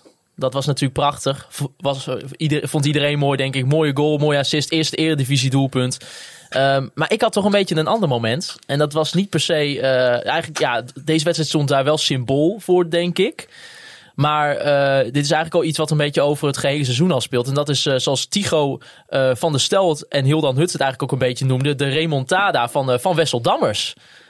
Mooi, de remontada. Ja, want nu op het middenveld geeft natuurlijk ook de assist. Maar speelt eigenlijk al het hele seizoen Ja, vrij goed. Ja. Is in ieder geval een van de sterkhouders binnen, binnen deze club. En dat was vorig seizoen eigenlijk niet echt een teken van dat dat er ging gebeuren. Vorig seizoen worstelde hij ook, eh, speelde hij veel tegen zichzelf. Hij speelde best wel een aantal goede wedstrijden waarin hij het eh, verneukte met één of twee domme fouten. Die vaak ook nog wel eh, destructief waren of die, die fat- fataal waren. Dit seizoen heeft hij dat wat minder lijkt het. Af en toe nog wel een keertje, maar ja, je ziet hem gewoon goed in zijn vertrouwen. En hij speelde echt, echt een goede pot. Ik vond hem een van de betere tegen de, de afgelopen wedstrijd. Ja, in een nieuwe rol, hè? Dus dat Ja. is ook. Dat ook nog eens. Ja. Ja, hij is natuurlijk vanaf, eh, in de, in de jeugdopleiding van Feyenoord, is hij zelfs ook eh, aanvaller geweest. Ja, Ja, spits. spits. Ja. Klopt. En dan nu, eh, nu, ja, nu weer op, op het centrale, centrale middenveld eh, eigenlijk eh verdediger eh, ook nog. Dus die man kan alles. Ja, ja. Nou ja, het deed mij een beetje ergens aan denken, Bas. Dat, dat weet jij natuurlijk eh, als we het over de Online Retail Company hebben. Zeker. Zeker. En deze keer deed dat mij een beetje denken aan de Zibro LC 150 racerkachel. Daar moet je Nou, iets meer over vertellen. denk, ja, dat snap ik. Ja, van zibrowebshop.com van Hmm. de Online Retail Company. Ja, waarom? Kijk, eh, het, is, eh, het is koud. Het begint echt koud te worden. We, hebben, we hadden het hierover ook nog eh, over eh, het huis van Klaas-Jan. Beneden is er niet te doen. Je Zo. zit eigenlijk in een soort van iglo. Ja. Je zit gewoon vast. Je kan echt, je moet drie winterjassen aandoen. En eh, dus iedereen kan wel zo'n kacheltje gebruiken, weet je wel. Nou, waarom dan deze kachel? Nou, het bevat, het bevat een elektronische gestuurde brander. En er zit dus ook een veiligheidssensor in, Bas. Kijk, En dat is, dan denk je van, ja, waarom is dat belangrijk? Willem, kijk me ook al, waarom, waarom moet ik dat hebben, weet je wel? brandveiligheid. Onder andere. Maar ook stabiliteit, tegen oververhitting, een, een goede ventilatie en een juiste verbranding. En dat zorgt er allemaal voor dat je gewoon veilig warm kan worden in je huis. Dat heeft Klaas-Jan nodig. Maar ik kan me voorstellen dat er meer mensen in deze regio zijn die dat echt nodig hebben. Zo. En dat deed mij gewoon een beetje denken aan Wessel Dammers. Want ook zijn prestaties, echt een drager in dit elftal. hè, Verwarmend. verwarmend. eh, dit, had wel, dit heb je ook even echt nodig, weet je wel. En dat is met Hij zo'n wordt, kachel hij ook wordt zo. ook wel eens genoemd de kachel van de selectie. Precies. Ja. En hij wordt zelfs de Zibro LC 150 racerkachel van de selectie. Ja, kan ik. Ja, ja, Dus, ja, en eh, hij is ook nog reukloos tijdens het branden. Ik zeg, eh, ga naar zibrowebshop.com van de Online Retail Company en haal zo'n ding in huis. Want ook net zoals Wessel Dammers kan iedereen eh, dit wel eens even in hun leven gaan gebruiken. Nou, die zijn morgen uitverkocht. Ja, dat, dat, dat, eh, dat weet ik wel zeker. Ja, Ja. dat effect eh, heeft deze Ja. podcast nou eenmaal. Daar kan ik ook niks aan doen. Maar het gaat nu dan twee weken goed. sinds Bas Kammerga in ieder geval bij ons in de podcast zit. Willem, hoe kijk jij nou een beetje naar het afgelopen seizoen tot nu toe? Ja, matig. Ik, ik ben het eigenlijk wel eens met Thijs op, op veel punten wat dat betreft. Eh, hoewel ik eh, qua... Dat we, dat we geen wedstrijd meer tot de winststop gaan winnen. Nee, dat, dat, dat was wel lekker inderdaad. Dat was een goede Te-. Tegen de tijd dat Thijs zulke harde Ja, uitspraken ja. gaat doen, dan gaat het... Maar- yeah! Nee, wat, wat, eh, ik, ik vind dat we aanvallend een veel betere selectie hebben dan vorig seizoen. Verdedigend minder. En eh, waar volgens mij de grootste crux voor dit seizoen zit, is Danny Buis in staat om nu voor de verandering een keer die aanvallende spelers, dat aanvallende talent meer tot was om te laten komen. En dat kapitaal eh ter gelden te brengen. Hij heeft in het verleden eh, met een hele rits verdedigende spelers eh, laten zien dat hij die echt beter kan maken. Dat rijtje is eindeloos van Mark van Hintem te Wierik tot eh Casemiro, Reis, eh Matusiwa, Goedmundsson, noem ze maar op. Het zijn allemaal betere spelers geworden. Aanvallend kan ik zo'n lijstje niet maken. Doan misschien een beetje beter geworden. Maar hier, maar dat is ook niet echt een topper geworden. En dan houdt het wel op. En nu is er wel een selectie waarin het, het aanvallende talent een veel groter potentieel vertegenwoordigt dan het aan verdedigende talent. Dus ik, ik hoop dat Buis dat op de rit gaat krijgen. En dat ook tot was om laat komen. Maar ik, ik vraag me af of dat hem gaat lukken. Dus het, is eh, wat dat betreft wel een cruciaal seizoen, denk ik. Nou, toevallig vanmiddag eh, kwam uit een artikel van Martijn Krabbedam van, eh, van VI... kwam dat Kees van Wonderen opeens wordt gelinkt aan FC Groningen. Er werd zelfs in het artikel genoemd dat FC Groningen... in ieder geval zeer geliefd is van de werkwijze van Van Wonderen. En volgens ja, ingewijden zou er zelfs al onderhandelingen bezig zijn. Wat, wat denk je, Bas? Zou, zou dit kloppen? Dan kijk ik opeens heel anders naar de wedstrijd van vorige week. Ja, Maar goed, dat geeft verder niet. Eh, ja, eh, geen Wormoed dus. Nee, dat, dat is de vraag. Ja, was- maar ja. Ik, ik, ik ken Kees van Wonderen niet zo heel goed. Ik vind hem goed overkomen op beeld en, en op tv. Maar volgens mij is het ook een redelijk verdedigende coach. Toch? Hij vorig jaar met Go Ahead Eagles vooral op, een, op de nul houden is hij gepromoveerd met een goede keeper. Ja. En ook dit seizoen speelt hij behoorlijk verdedigend. Wel met resultaat ook, maar Ja, zij doen, ja, Go Ahead is volgens mij vooral eh, zit in een hele goede flow door hun beleid. Ja. Want eh, afgelopen weken zijn ook volgens mij de financiële scores van de KNVB, die nu op een andere methode eh, worden gewijzigd, zijn, eh, zijn naar buiten gekomen. Go Ahead is daar een van de betere in. ja, samen met Heracles voor Ajax allebei. Ja, precies. En die hebben dus daarmee ook een heel eh, gunstig transferbeleid. Dus die kunnen spelers halen die andere vergelijkbare clubs niet kunnen halen. Nou, Ja. ik denk dat die daar heel erg, dat een trainer daar uiteraard ook heel veel baat bij heeft. Ik, ik hoor daar ook terug eh, zeggen dat, dat Van Wonderen in die zin ook heel goed meedenkt met de clubleiding, dat soort dingen. Dus dat zijn natuurlijk hele goede eigenschappen om, En hij heeft ook wel om bij een het te hebben. goede route genomen. Niet Mhm. direct eh, in de diepe zich laten gooien bij het eerste elftal, maar via de jeugd omhoog. Juist. Ja, hele, hele, hele rustige route. Volgens mij ook Ja. een hele rustige, rustige figuur. Ik herinner me als nou ja, middenvelder en, en verdediger, verdediger, ja. van, van bij Feyenoord natuurlijk. Eh, maar ik moet ook een heel klein beetje denken aan Marinus Dijkhuizen. Die, had, eh, hè, die was dan ook een beetje de, uitgeroepen tot kroonprins bij Excelsior. Die maakte een eh, overstap Maaskant. naar... Ja, Maaskant. Goed, dat is een heel ander type. Ja, maar maar Marinus ja, Dijkhuizen vind ik een beetje het, hetzelfde rustige type. Die ook hè, die, die weg van de geleidelijkheid heeft bewandeld. Die werd toen op een gegeven moment weggekocht door, door een club in Engeland. Brighton, meen ik. Nee, Brentford, sorry. Ja, ook zo'n data-driven club. Data-driven club. En ehm, ja, dat kwam er niet helemaal uit. En misschien wel door allerlei andere omstandigheden die je niet op het veld kan afmeten, maar juist in de organisatie. En eh, nou, misschien is het. eh, Wat ik me wel afvraag is dan... Flederis is nu aan het onderhandelen met Paul Bosveld over Verwonderen. Terwijl ze die wedstrijd ook ruzie met elkaar zaten te maken. Ik weet het niet. ja. Ja, misschien speelt dat allemaal wel mee. Ja, Ja, we hebben zelfs weer een nieuwe, nieuwe gate volgens mij. Eh 11 uur 07 hoorde ik gisteren in een podcast zeggen dat Flederis landen uit een bepaald eh, deel van, eh, nou ja, het zal nog wel uit Europa zijn. Eh, Ja, dat ik, klopt. Ik heb de, de, de aankomsttijden op Schiphol eh, en eh, Rotterdam, Den Haag en ehm Eelde erop eh, nagetrokken. Eindhoven, excuus.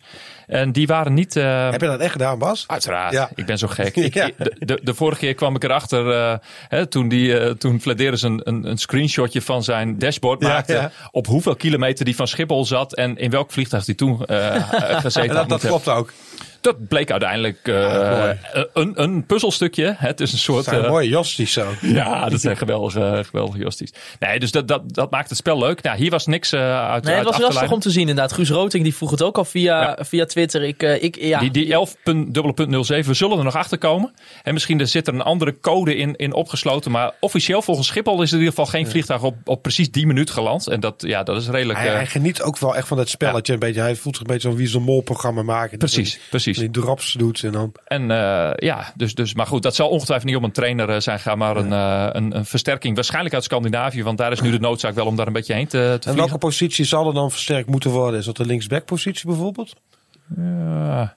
Waar, waar, waar is de meeste eh, nood aan de man? Op welke positie? ja, er werd altijd gezegd natuurlijk Ja. de, de positie voor, eh voor Matusiwa. Maar Ja. dus met Dammers ingevuld. Is dat hebben we nu in deze ja, aflevering eh, dat hebben we wel een beetje. online retail company wise hebben we dat ingevuld. Dus, eh, Alleen nog maar de linksback kachel open. van de selectie. Ja, nee, je zou... eh, ja, kijk, ik denk wel dat je nog steeds een linksback nodig hebt. In ieder geval iemand die er nu echt kan staan. Eh, alle respect naar Bart van Hintem. Zeker ook Doet met, met goed, zijn ja. verhaal van, eh, van de afgelopen paar maanden. eh, dat hij toch ook een groot deel van de voorbereiding een beetje heeft gemist natuurlijk. Vanwege zijn, vanwege zijn dochter.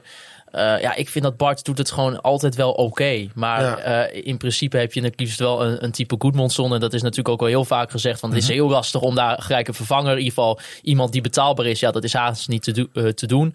Ehm, maar ja, je kan niet eh, met Bjorn Meijer en, en Yaya Kerry eh, gaan En voor die Björn Meijer staat ook nog een interesse van de Engelse club. eh, Ja, van Birmingham, ja. Ja. Ja. Birmingham City, de tweede club uit Birmingham, zeg ik even voor VD Dailies natuurlijk. Want Aston Villa is de, de club uit Birmingham. Precies. Is er een beetje in het, misschien weet jij dat ook, of misschien jij ook wel, Willem. Is er in het verleden al vaker geweest dat een jeugdspeler van FC Groningen eigenlijk na amper, nou, wat, wat, hoeveel minuten zou Bjorn nu hebben gemaakt in het eerste, gelijk naar een club in het buitenland ging? Nou, dat hij daar daadwerkelijk heen gaat is natuurlijk niet, eh, niet zo eh, aan de orde. Nee. Ik, ik kan me herinneren, Fodé Fofana. Die speelde nog niet eens bij Groningen. die speelde in de jeugd van eh GVV Rapiditas. Ja. Maakte de overstap naar, naar Barcelona. Ja, dit is op, op iets latere leeftijd. Eh, ja, weet je, dit soort geruchten zijn er altijd. Nou, wat er wel een leuk is, is eh, de middenvelder van Feyenoord. Kutsu, die heeft Ja. natuurlijk ook in die jeugd van Ja. Groningen gezeten. En die is vlak voor zijn debuut weggekaapt. Ja. Precies, maar weet je, d- er gaat in het Engelse voetbal eh, tegenwoordig zoveel geld om. En ik las nu deze week weer iets over nog weer nieuwe tv-deals. Ja, dat is, dat is geen gelijk speelveld meer. En het is ook alsof eh, clubs kopen om het kopen. Dus ik zou er heel erg voorstander van zijn dat, eh, dat er een, geen salary cap, want dat past niet bij Europese sporten. Maar dat je een, een, een, een, een cap zet op het aantal spelers dat een club onder contract mag hebben. Dus eh, ja, laat dat er eh, 40 of 50 zijn. Eh, dan kunnen Engelse clubs in ieder geval niet meer eh, eh, eh, zomaar eh, de hele lijst vol met, eh, met, met spelers gaan, eh, gaan zetten. Maar goed, dat is een hele van wat hogere orde. Maar daar, daar ben ik al eh, eigenlijk eh, wacht ik al jarenlang op totdat eh, het Europese voetbal dat een beetje Ja. goed gaat regelen. Het lijkt niet echt van de grond te komen. Ik, heb het zelf, want ik, dat is wel een beetje de reden ook dat ik gewoon niet meer zo het Europese topvoetbal volg. Omdat dat enorme geld wat erin omgaat. En dat, die, die televisiegelden, maar ook dat smerige geld vanuit uit, uit dubieuze Midden-Oosten vanuit de Russische oligarchen. Trekt ook het hele voetbalwereld, de, de economie helemaal uit zijn lood. Daar, daar kan natuurlijk geen Nederlandse club, maar ook een gezonde Engelse club kan er amper meer tegenop. Je ziet het ook al in Nederland, dat, dat, dat clubs als, als Vitesse maar, eh, eh, met externe eigenaren toch ook steeds verder omhoog drijven. Dat je daar met een normale bedrijfsvoering eh, het steeds lastiger tegen krijgt. Het is wel een beetje het faillissement van het voetbal, vind ik dat. Nou ja, het is wel in- inderdaad interessant wat je zegt. Voor, voor ook, ook ik bijvoorbeeld.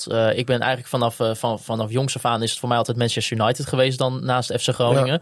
Eh, maar eigenlijk ook mede door inderdaad hoe die, eigenlijk die grote topclubs allemaal zijn veranderd in, in eh, met natuurlijk de komst van, eh, van, van heel veel meer geld. En je, je merkt ook bij clubs waar dat misschien die niet per se een Qatar-eigenaar hebben. Maar Ja. zoals bijvoorbeeld Manchester United, maar dan wel natuurlijk een steenrijke Amerikaan. Maar je merkt, ik merk wel bijvoorbeeld dat mijn liefde voor, voor de club wel in de afgelopen jaren steeds is verminderd. Ja. Door toch inderdaad wat jij zegt. Ja, die, die geldstromen binnen het voetbal. En ik, je, ik vind gewoon dat bij, zeker bij de, bij de allergrootste club op deze aarde. Die beginnen gewoon een beetje soort van hun, hun klassieke cultuur te verliezen. Ik bedoel, Ja. kijk hoe wat voor drama het is bij FC Barcelona. Ik bedoel, daar is nu eh, daar is in de komende jaren niks meer van over van, van dat mooie klassieke FC Barcelona. Nee, wat en, je en- vroeger en als had. oplossing wordt daarvoor gedragen eh, de, de Super League. Wat het Ja. nog tien keer erger maakt bij wijze Ja. van. Dus de, de, de beweging gaat juist misschien nog veel verder door die kant op dan dat het... eh, maar er zal ooit een moment komen dat de wal het schip keert. Om het Ja, te natuurlijk. zeggen. Maar, maar hè, om, om terug even op de discussie te komen Ja. van de linksback. Oh ja, Oh ja, ja, Oh, ja, ja. daar waren we. Van, ja, eh, even terug naar de orde van de dag. Vind jij dan, Bas, dat heeft FC Groningen dit wel echt nodig? Een stabiele linksback voor de Ja. tweede seizoen zelf? Nou ja, goed, kijk, hè, dat, er wordt ook altijd door, door FC Groningen al aangegeven. van, Hè, als je dan een, een versterking haalt, moet het ook meteen voor de langere termijn zijn. Eh, volgens mij heeft Groningen zijn selectie heel goed op orde. Hè, niet alleen voor dit seizoen, maar ook voor die jaren erna. Hè. Er zijn gewoon veel doorlopende contracten. Ja. Dus in die zin heb, eh, zal er al lang gewerkt worden aan, het, eh, aan de selectie voor, even uit mijn hoofd, 22, 23. Ja, als je een speler dan al een half jaar eerder kan halen om hem eh, hier te acclim- laten acclimatiseren. Ja, dat zou natuurlijk geweldig zijn. Maar wees ook niet verrast als er een andere konijn uit de hoge hoed komt hoor. Dat het zomaar om een rechtsbuiten zou kunnen gaan. Ja, of Ja. je moet toch een beetje hopen dat je misschien aan, de, aan het eind van het seizoen... hè, in de laatste paar wedstrijden, dat Jaya Kelly er opeens kan staan. Eh, en dat je dan ja, Ja. toch dit seizoen nog een beetje erdoor bent gekomen met Bart van Hintem. Maar die, Nou, die ik- lijkt wel derde in de pickorde te zijn. nu. Ja, nou sterker nog, ik heb hem vanmiddag dus ook gezien. Ja. Maar hij stond gewoon op middenveld Oké. voor de verdediging. Dus eh Bjorn Meijer stond inderdaad linksback. Hij heeft er ook wel mee te maken natuurlijk dat Goodmanson op het laatste moment echt eh, drie voor twaalf is vertrokken. Er zat leek nog wat Letterlijk. Kink. Ja, letterlijk. Ja. Nog wat, wat kink in de kabel te komen. Dus ik, misschien was Groningen ook wel heel voorzichtig om dat geld dat ze daarmee binnen zouden krijgen alweer verder uit te besteden aan bijvoorbeeld de linksback eh, van Cambuur. Nou ja, veel gebeurde inderdaad Ja. gewoon op het laatste moment. Hè? Ja. Ook, ook zelfs buiten zijn transfer om. Maar inderdaad, dus, dit was het extreme geval. Maar die gehele transferdag natuurlijk vijf Ja. spelers die vertrekken en vijf die erbij Een komen. extreem geval, maar wel ook een belangrijk geval. Want daar, Ja. daar komt veel geld op binnen en er moet een, een vervanger voor gehaald worden, al dan niet. Ja. En als je daar nog maar drie minuten de tijd voor hebt, dan wordt het lastig natuurlijk. Ja. Wij kregen ook nog een, eh, een luisteraarsvraag binnen van Gerard Posma. En die vroeg, eh, wat vinden jullie van de situatie van Kian Sloor en Joël van Kaan bij FC? Weinig tot geen speeltijd, ook zorgelijk voor hun ontwikkeling. Nou, ik had het inderdaad even opgezocht. Eh, als we ten eerste kijken naar Joël van Kaan, die moet het tot nu toe doen met, met tien invalbeurten. Nou, dan denk je van, nou ja, dat, dat kan nog wel. Maar vijf daarvan waren maar met meer dan 20 minuten speeltijd. Dus eigenlijk stelt het heel weinig voor. Bij Kian Sloor, die moet het zelfs maar met vier invalbeurten doen. Met een gecombineerd aantal minuten van 49 in totaal. En daarnaast is hij sinds de 9 oktober niet meer in actie geweest voor FC Emmen. Nu had ik ook even gevraagd aan eh, Daan Hooiveld, is een studiegenoot van mij. eh, en eh, ook maker van Kijk op de Meerdijk, de podcast over, over FC Emmen. En hij zei in ieder geval over, over Kian Sloor van ja, hij overtuigt tot nu toe nog niet. En de concurrentie is gewoon ja, beter op zijn positie. Daarnaast is het ook nog zo dat de jongens die op die positie speelden, dat was Peter van Ooyen onder andere. Die zegt ja, dat zijn jongens die vertegenwoordigen gewoon kapitaal. En uiteindelijk is Kian gewoon een simpele huurspeler. Maar ja, eh, Volgens vier mij- invalbeurtjes, 49 minuten. Zo. is niet best. Volgens mij doet Van Kamer het wel wat beter. Althans, heeft ook gewoon een betere of een, een, een speler voor zich waar die niet eh, voorbij komt. Maar wat ik begrijp van Emmen supporters van Jonathan Ploeg, de FC Emmen Watcher van Dagblad, is dat die er wel veel meer tegen aanschuurt en dat het eh, niveauverschil minder groot is. Maar het gaat nog niet eh crescendo met beide. Nee. Nee. Dat is, ja, dat is wel een beetje, Bas, dat is ja, toch wel een beetje... Ja, scho- nee, niet schokkend is niet het juiste woord, maar het is niet best voor hun ontwikkeling. Zeker als je misschien ook kijkt dat ze in het coronaseizoen natuurlijk ook vrij weinig konden spelen tot niks. Nou, dat is er misschien wel het punt geweest natuurlijk. Ja. Dat ze gewoon een jaar in de ontwikkeling zijn kwijtgeraakt. Dat zou kunnen, ja. Nou ja, kijk, eh, en zij hebben voor de route gekozen die hè, eh, bijvoorbeeld Thomas Pol heeft eh, gemaakt via, via Dordrecht, die daar wel een vaste waarde was. Nou, bij Emmen was misschien op het moment dat zij overgingen, ik weet het niet meer helemaal hoe het precies was, maar dat, dat ze de selectie misschien nog niet eens helemaal, eh, helemaal rond hadden. Dus dat misschien meer kansen Ja. waren geweest om, om wel te, te spelen. Uiteindelijk heeft Emmen natuurlijk een aardige selectie eh, samengesteld. Ja. En eh, ja, zijn ze nu En gewoon weer top, ook goed. ja. top, ja, topfavoriet om en- mee te spelen om promotie. En hoe vaak gebeurt er dat een speler wordt uitgehuurd uit, en echt als een meerwaarde weer terugkomt en zijn plek dan weer terugverovert? Timmer Tafs kan ik me herinneren. Ja, maar die was bij Emma ook geen vaste waarde hoor. Nee, die die- heeft hooguit andere eh, problemen. 12, 12, 13 Ja. potjes gespeeld. Dus eh, Ja. ja, nee, misschien moet, ha- ja, eh, moeten ze iets verder weggaan. Eh ja, belangrijk om dit eh, goed te bekijken. Maar ja, die jongens eh, zitten natuurlijk wel in een eh, situatie dat ze dagelijks op, op, eh, op topniveau meetrainen met En op die, op die leeftijd kan het ook in één keer snel gaan. Hè? Ja. Ja. Maar ja, inderdaad, misschien is, dat, is er toch wel eens uiteindelijk te weinig aandacht geweest voor, hè, voor de jongens die misschien niet de toptalenten binnen een voetbalorganisatie zijn, die het seizoen in het coronaseizoen eh eigenlijk niks hebben kunnen spelen, eh, alleen onderlinge potjes. Komende week weer hetzelfde verhaal natuurlijk. Hè? Ja, dus eh, ik bedoel, voor, de, voor dat soort jongens die misschien niet, niet de top van de top zijn, maar daar net een beetje onder zitten, is, is dit wel echt gewoon ja, zo fataal misschien eventueel Ja. zelfs voor, voor de rest van hun voetbalcarrière. Ik bedoel, dat, dat zou misschien wel kunnen, toch? Nou, heeft vooral denk ik met intrinsieke motivatie te maken. Of je het, eh, of je het nog steeds op kan brengen elke dag. Want uiteindelijk speel je natuurlijk eh, voor jezelf om elke dag Ja. eh, beter te worden. En nou, ja, eh, als die zich richt op de rechtsback positie. Voor de verdediger is het natuurlijk sowieso altijd nogal moeilijker om, om in het elftal te komen. Dus het zal misschien ook de reden zijn dat hij er niet zo vaak aan, aan spelen toekomt. Maar ja, qua- gewoon geduld houden, beter worden. Ik ken, ken Kian zijn vader vrij goed. Jansler, ook een oud speler van FC Groningen. Niet, niet doorgebroken, maar wel een aantal wedstrijden gespeeld volgens mij. Daar zit wel, eh, ja, er zit wel een goede mentaliteit in. Dus ik, eh, of die gastje top, of dat gastje top talent gaat redden, weet ik niet. Eh, maar mentaliteit komt hij sowieso nog wel weer bovendrijven, denk ik. dan komt hij er. Alleen, ja, er is natuurlijk wel een klein beetje iets anders eh, zorgelijk. Dat we natuurlijk in ons eerste elftal van FC Groningen. eh, ja, nog maar weinig eh, vertegenwoordiging van, van talenten uit eigen jeugd. Ja, dat, dat kampioenselftal wat Oh. furoren maakte. Ja, Waar we ja, ja. allemaal met smart naar keken voordat die we, doorbreken. we moeten Remco Balk in, in Utrecht terugzien. Nou ja, ik heb Daniel van Kaam vanmiddag een hele wedstrijd zien ik spelen vond hem met wel goed van. invallen, trouw, invallen trouwens, Daniel van Kaam tegen... Ja, viel goed in. En vandaag een hele wedstrijd gespeeld. Dus Speelde die? Ja, prima, Goed, prima. ja. Ja, hoor, zeker. Vol energie. Maar goed, dat, ja, aan hem, bij hem ligt het ook niet aan de, aan de inzet en mentaliteit. Eh, maar ja, dat, dat zou natuurlijk wel mooi zijn. Om uiteindelijk, ja, Soeslof is nu de enige die De eh, enige, ja. vertegenwoordiging is van, eh, ja, van de eigen opleiding. Ja. Nou, je merkte ook wel een beetje op social media, zeker toen Remco Balk natuurlijk eh, de winnende goal maakte tegen Herakles, dat je toch mensen toch wel van, ah jongen, wel, wel wat jammer dat we inderdaad van die, van die gehele kampioensploeg, dat we tot, tot nu toe misschien daar best wel nog vrij weinig van hebben gezien. Behalve Ja. dan inderdaad echt Thomas Soeslof. Ja. Die is wel echt ongelooflijk goed aan het worden dit Ja, jaar trouwens. dat, eh daar gaan we veel cent aan verdienen. ja, en daar is al regelmatig een ode over eh, geopperd hier. Ja, zeker. Ja, nee, ja, eh, geweldig. Hij gaat er weer bij zijn tegen, tegen PEC natuurlijk. Daar kunnen we gelijk wel even heen gaan naar de voorbeschouwing van, van FC Groningen PEC Zwolle aanstaande vrijdag om 8 uur. PEC Zwolle staat er niet best voor, 18e en daarmee dus laatste in de Eredivisie. Afgelopen weekend werd er 0-0 gespeeld tegen RKC Waalwijk. Een wedstrijd eh, waar volgens een Mustafa Samark eh, dat ze toch iets beter waren. Maar uiteindelijk oud-FC'er de Jean Redan. Oh, Ja, ik bedoel, die heeft natuurlijk een eh, geweldige indruk achtergelaten hier bij deze voetbalclub. Eh, ja, die eh, schoot op wonderbaarlijke wijze de penalty eh, ja, toch vrij aardig over. Ja, hij had hem beter tegen de keeper kunnen schieten. Want had hij overgenomen moeten worden. Ja, Ja, de keeper stond drie, eh, drie passen voor, het, Oh. eh, voor zijn lijn. Maar goed, de regel is als je geen interactie met de bal hebt, hoeft dat dus niet. Dan, komt, dan Ah. grijpt de VAR niet in. Als hij er ook maar met één handje aan was Ja. gekomen, dan eh, ja. ik snapte sowieso al niet dat hij die penalty ging nemen. Het is, Nee, dat was een...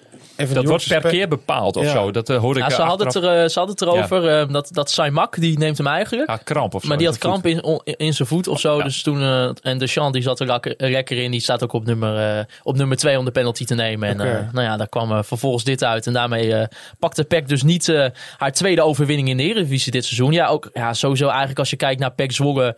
Ehm, een en al chaos. Vijf trainers al gehad Ja. in, de, in 2021. Ehm, wel eh, even een kleine shout-out naar eh, Leroy. Even kijken, Leroy Echtelt. Die heeft toch in twee dagen één wedstrijd eh, als trainer van, van PEC Zwolle mogen zijn. En daarmee wel gewoon 100% winststreak kunnen pakken. Oh ja, Dus eh, dat kan hij altijd eh, voor de rest van zijn nou, carrière misschien zeggen. die terughalen. Ja. Ja, wie weet, wie weet. Eh, hij werd als, Bas een podcast neerzetten daar.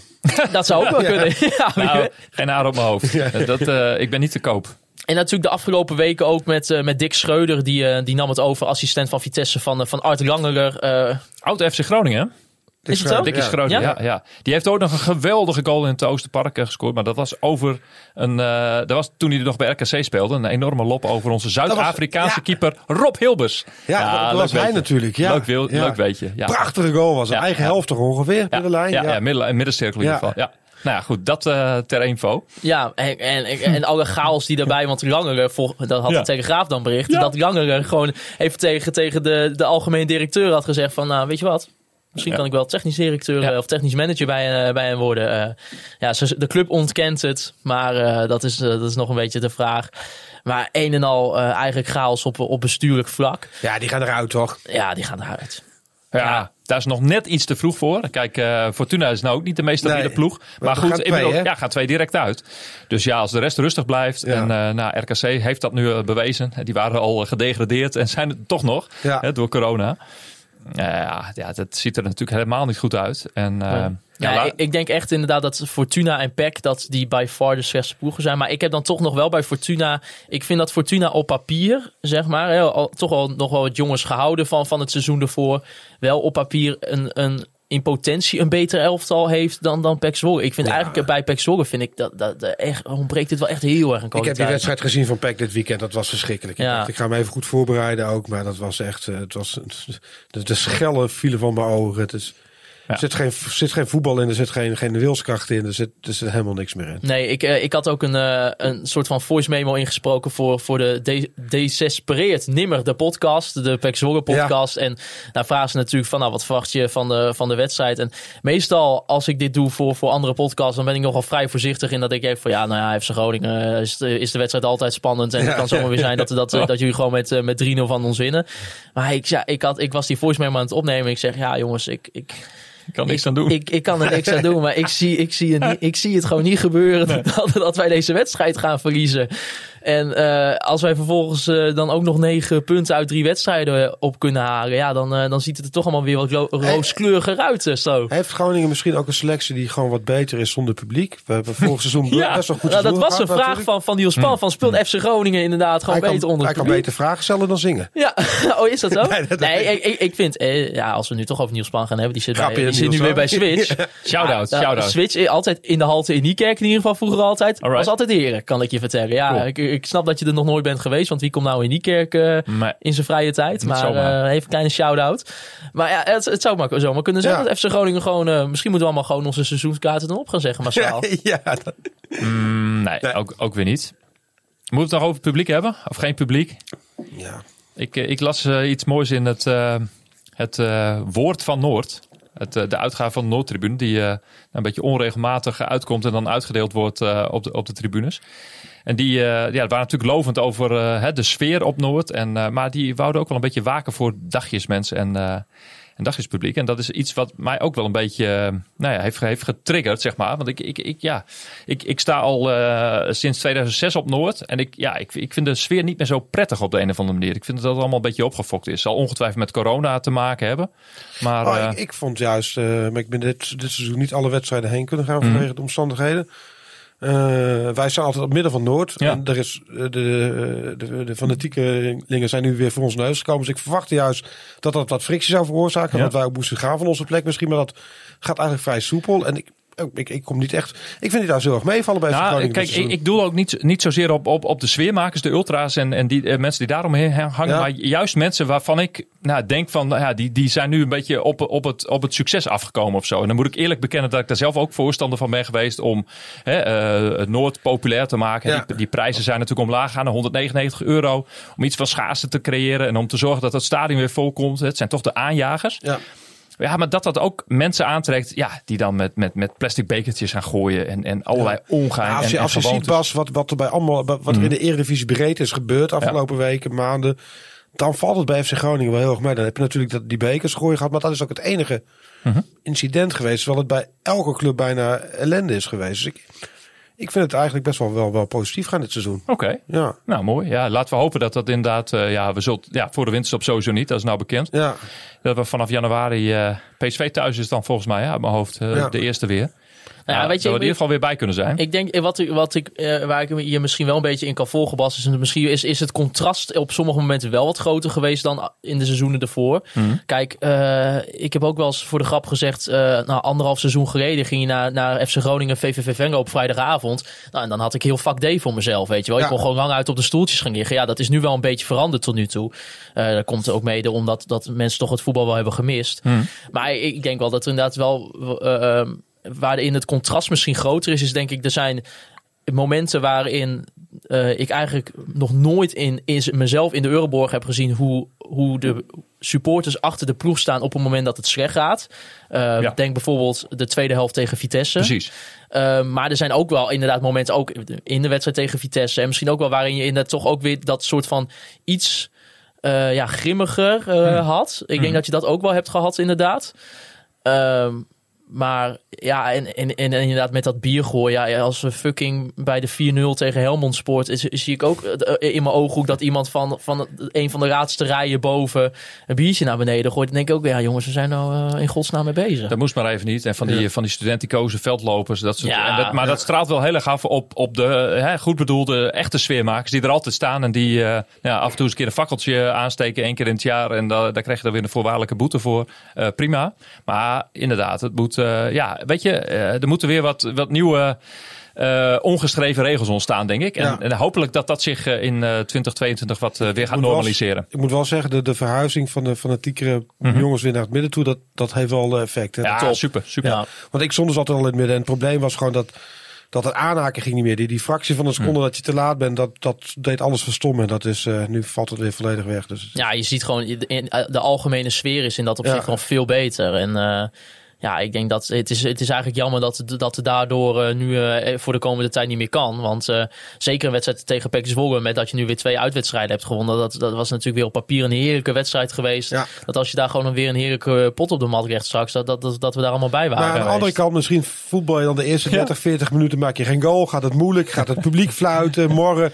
Ja, die- weet je, ja. eh, dat, dat kan ook gebeuren bij FC Groningen. Dus Ja. ja. Ja. En, dan, ja, en dan Groningen-Feyenoord. Dat was natuurlijk eigenlijk eh, nou ja, zo vlak voor eh, oud en nieuw.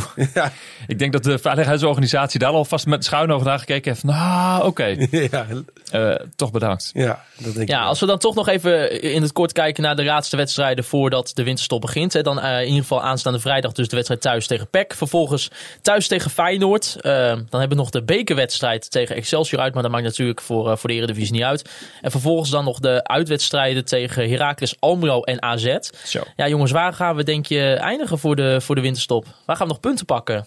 Kun je nog één keer het rijtje noemen? In ieder geval PEC, eh PEC Zwolle, eh, Feyenoord, Heracles eh, en AZ. Heracles en AZ zijn bij de uitwedstrijden en tegen Feyenoord en PEC spelen we thuis. Zeven of negen punten gaan we eruit halen. Ja, Zo. zo, dat is optimistisch. Ja, twee winst en één gelijk tegen AZ uit. AZ is ook niet een goede doener.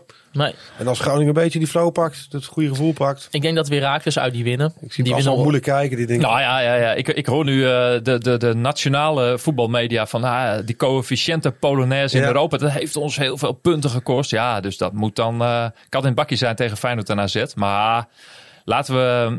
Weet je, eh, Groningen speelt altijd de betere wedstrijd tegen ook de betere voetballende ploegen.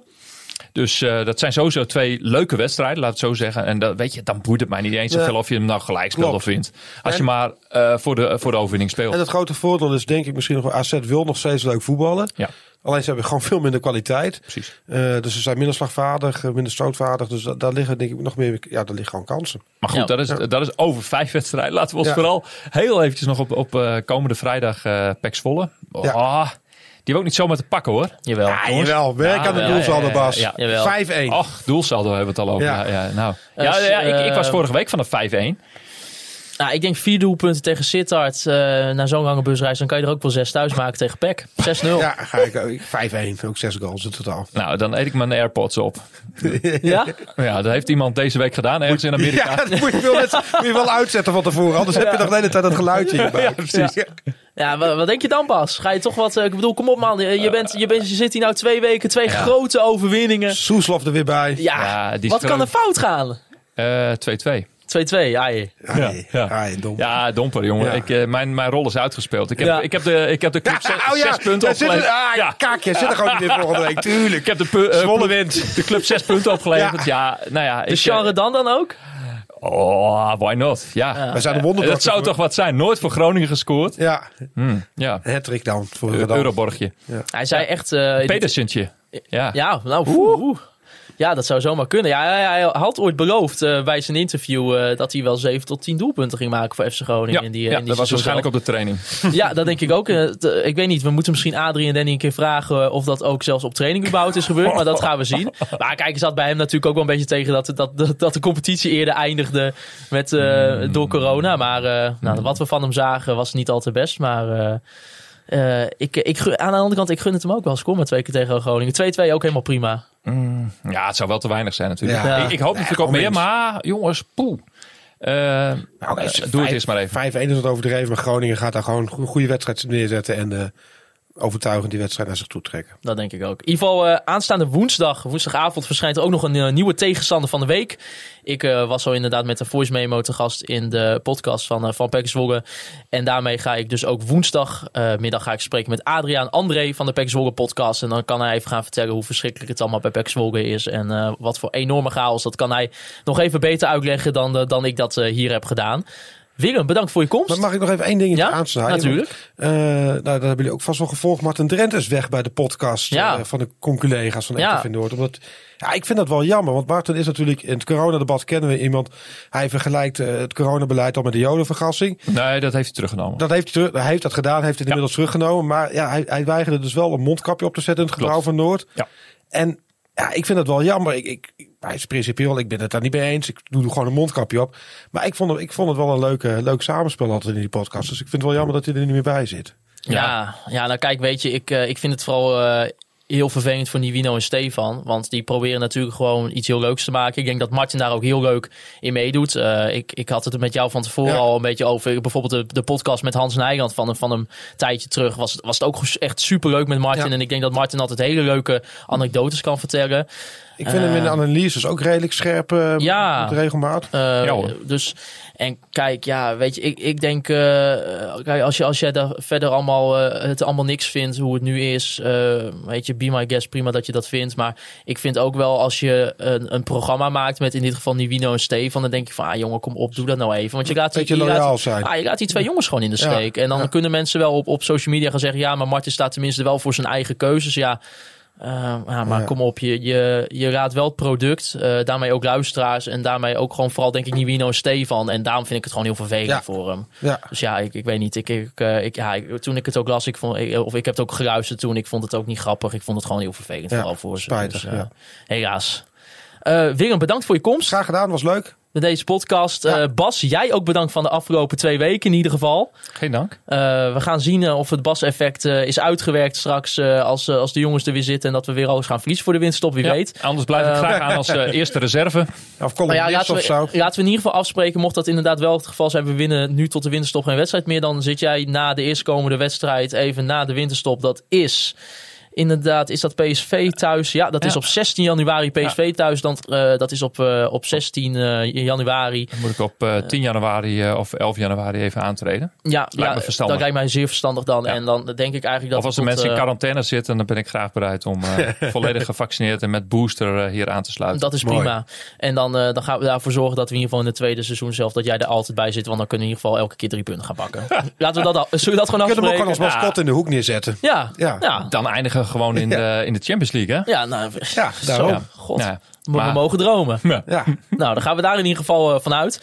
Uh, jullie kunnen Conform Minder de podcast volgen via al onze kanalen Spotify, Apple Podcast. Laat er ook even een review achter mocht je daar via luisteren. En ook via Google Podcast. Volg ons op Facebook, Instagram en natuurlijk ook op Twitter. Ik wil Andy Zuidema bedanken voor de foto's die wij week in week uit kunnen gebruiken. De Online Retail Company en B-Trip voor het uh, Online Retail Company moment van de week. Ik wil alle Petje.affers bedanken. Uh, aanstaande woensdag, dus woensdagavond, komt er een uh, voorbeschouwing. Een nieuwe tegenstander van de week online met Adriaan André. PEC Zwolle supporter en podcastmaker. En als laatste natuurlijk ook uh, Free Westhoff en Mark Pepping voor de prachtige intro en outro muziek. En als laatste wil ik jullie bedanken voor het luisteren naar Conforminder, de podcast. Juichen wij als het Groningen weer.